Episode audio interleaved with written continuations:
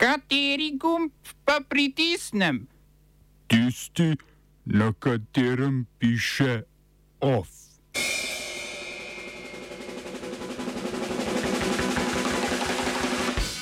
Vplivni iraški poslanec in šiitski klerik Moktada al-Sadr se umika iz politike. Kolumbija in Venezuela ponovno vzpostavili diplomatske odnose.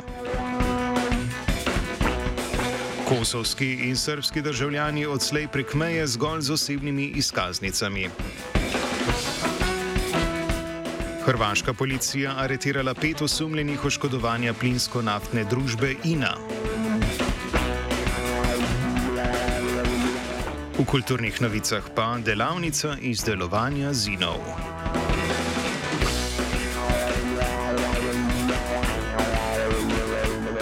Jo, diplomatski mok med Kolumbijo in Venezuelo se po treh letih zaključuje. Danes je v venezuelsko prestolnico Caracas pripotoval novi kolumbijski veleposlanik Armando Benedetti, v kolumbijsko prestolnico Bogota pa novi venezuelski veleposlanik Felix Plasencia, nekdanji zunani minister. Otoplitev odnosov sledi junijski izvolitvi prvega kolumbijskega levičarskega predsednika Gustava Petra. Diplomatske stike z Venezuelo je Kolumbija prekinila februarja 2019 po večletnih napetostih zaradi milijonov venezuelskih migrantov, ki so zatočišče poiskali v Kolumbiji. V teh letih so bili prekinjeni leti med državama, med oktobrom 2019 in 2021 pa so 2000 km mejo med državama prestopali le pešci.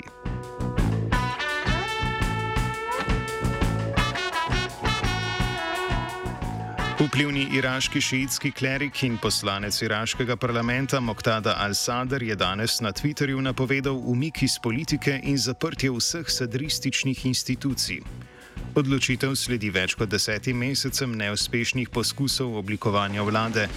Zadnjič se je zapletlo pred dvema tednoma, ko je Vrhovni sodni svet, najvišji iraški pravosodni organ, sporočil, da nima pooblastil za razpustitev parlamenta. Al-Sadrova politična stranka je na oktobrskih volitvah sicer usvojila največ sedežev v parlamentu, a ji ni uspelo sestaviti večinske vlade brez njegovih nasprotnikov, ki naj bi jih podpiral Iran. Njegova politična opcija sicer pod isto streho združuje 100 tisoče šiitskih sledilcev sadrovega kulta, nekdanje gverilce, sunitske poslovneže, urbano-sekularno mladino in iraško komunistično stranko, ki je bila na zadnje dejavna v času hladne vojne. Al-Sadr je junija letos z odstopom svojih poslancev poskusil sprožiti predčasne volitve, a žal neuspešno. Na to so Al-Sadrovi poslanci večkrat blokirali delovanje parlamenta, a tudi to ni privedlo do njegove razpustitve.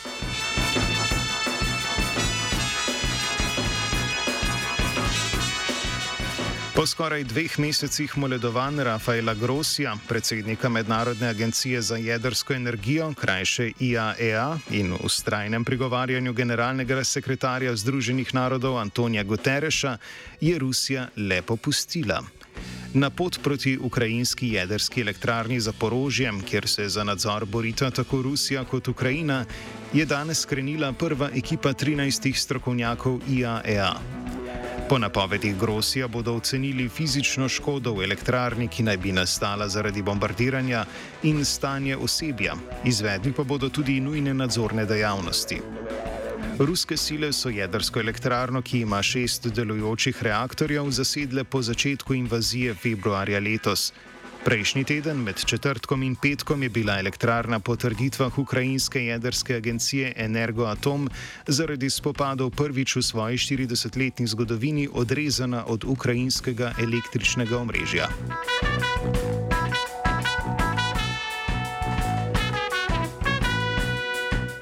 Visoki zunanje politični predstavnik EU Josep Borrell je sporočil, da sta Kosovo in Srbija tik pred zdajci dosegla dogovor, ki državljanom obeh držav odslej dovoljuje prehajanje meje zgolj z osebnimi izkaznicami. Srbija je pristala na odpravo posebnih vstopno-izstopnih dokumentov za imetnike kosovskih osebnih izkaznic, Kosovo pa je pristalo na to, da teh dokumentov ne bo uvedlo za imetnike srpskih osebnih dokumentov. Po dogovoru torej Kosovo ne bo uvedlo ukrepov, ki jih je premijer Albin Kurti razumel kot recipročne glede na dosedanja srpska pravila. Ob Kurtjevi napovedi uveljavitve ukrepov na začetku meseca so kosovski Srbi na cestah postavili barikade. Priština pa se je na to z mednarodnimi partnerji dogovorila za začasen odlog uveljavitve pravil do 1. septembra. Dogovor je potrdil tudi Kurti, ki je zapisal, da bodo lahko državljani Kosova odslej v Srbijo potovali svobodno in enakopravno.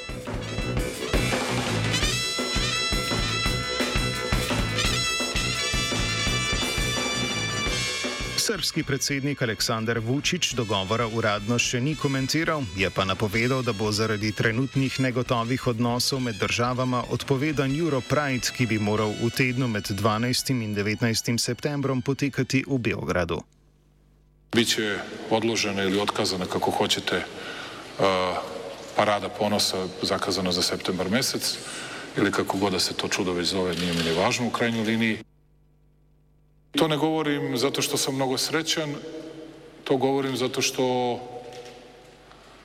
ne možemo u ovom trenutku, kada imamo i otvoreni Balkan, kada imamo i krizu tešku na Kosovo i Metohiji koja, se ne, koja neće prestati do 31. oktobra najmanje, a plašim se da će se samo produbiti.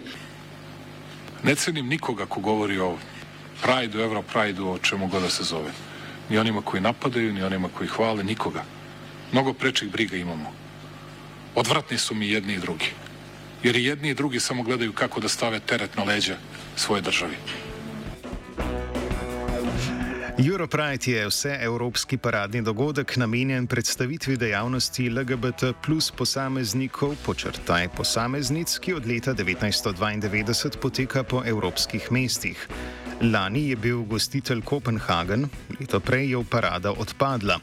Goran Miletič, srpski odvetnik in koordinator dogodka, je prepoved označil za neustavno in napovedal, da se bo dogodek kljub prepovedi predsednika odvil po planu.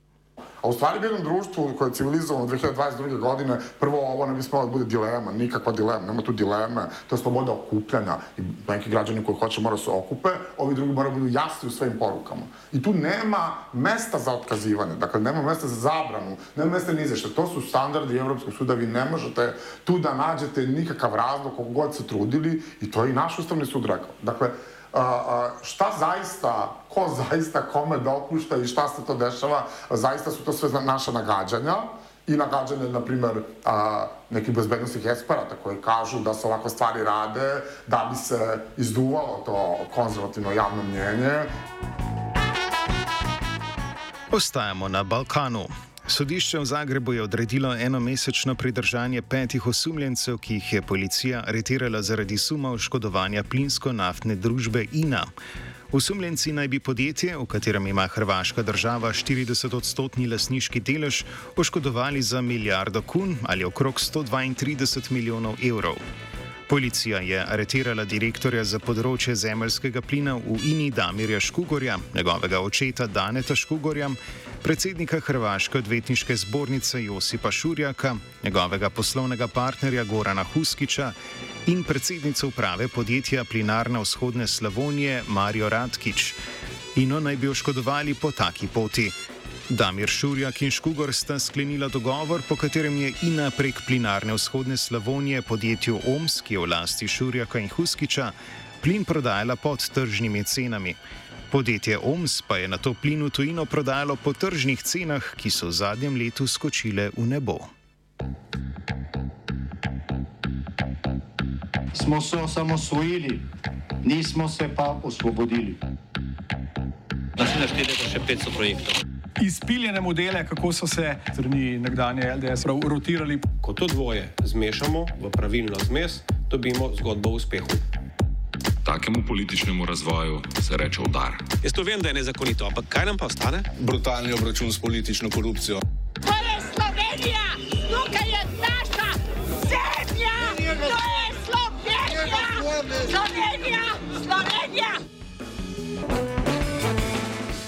Na Bledu se danes pričenja 17. Blejski strateški forum z naslovom Vladavina moči ali moč pravil, na katerem bo več kot 400 udeležencev iskalo odgovore na vprašanja o prihodnosti multilateralnega reda in njegovi vlogi v EU.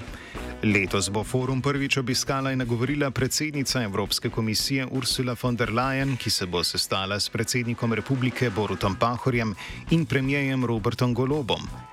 Med 160 panelisti bodo ob slovenskem političnem vrhu, virtualno ali v živo, prisotni še premijeja Albanije in Hrvaške, ukrajinski in islandski predsednik Volodimir Zelenski in Gudni Johannesson ter moldavska predsednica Maja Sandu ter 15 zunanjih ministrov.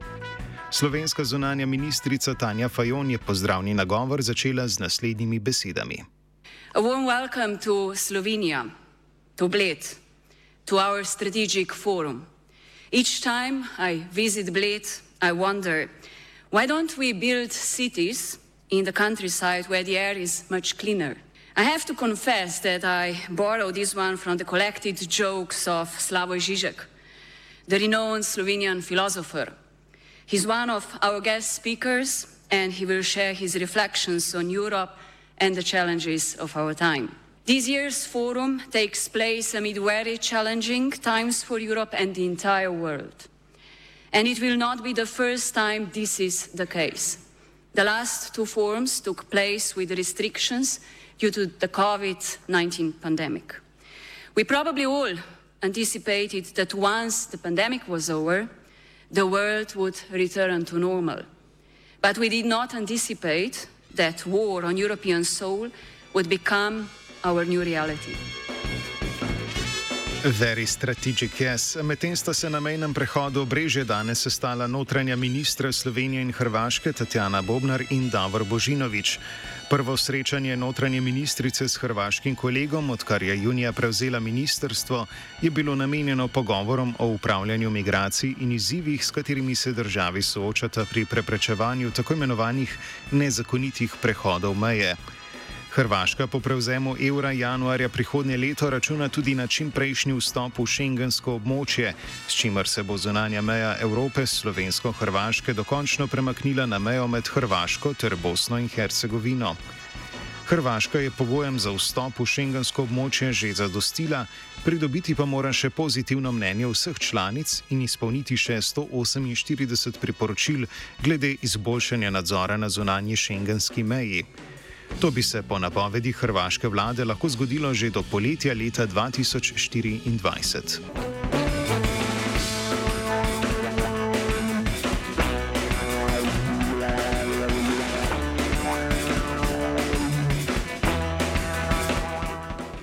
V krogu svojih bližnjih je v Sovkanu po noči po kratkotrajni bolezni umrl gradbenik, politik in dolgoletni poslanec Socialdemokratske zveze Slovenije, sicer prednice SDS, Ivo Hvalica. Leta 1992 je postal poslanec v prvem sklicu državnega zbora, v katerem je nadomestil predsednika stranke Janeza Janša, ki je postal minister za obrambo. Poslanec je bil tudi v drugem sklicu med letoma 1996 in 2000. Kot poslanec je bil znan kot kritičen in neumoren govornik. Ob obstrukciji zakona o privatizaciji igralnic leta 1995 je govoril več kot 4 ure, kar je najdaljši govor v zgodovini slovenskega parlamenta. Zaradi nesoglasij z Janezom Janšo je leta 2001 izstopil iz stranke in se umaknil iz politike. Njegovo delovanje v parlamentu je zaznamoval tudi incident leta 1998, ko ga je takratni poslanec LDS Jelko Kacin udaril s časopisom, potem ko je hvalica Kacina označil za ograjevarstvenika, ker naj bi si ograjo, ki je nekoč stala okoli Bežigrajske vojašnice, postavil okoli svoje hiše. Off je pripravil Duki.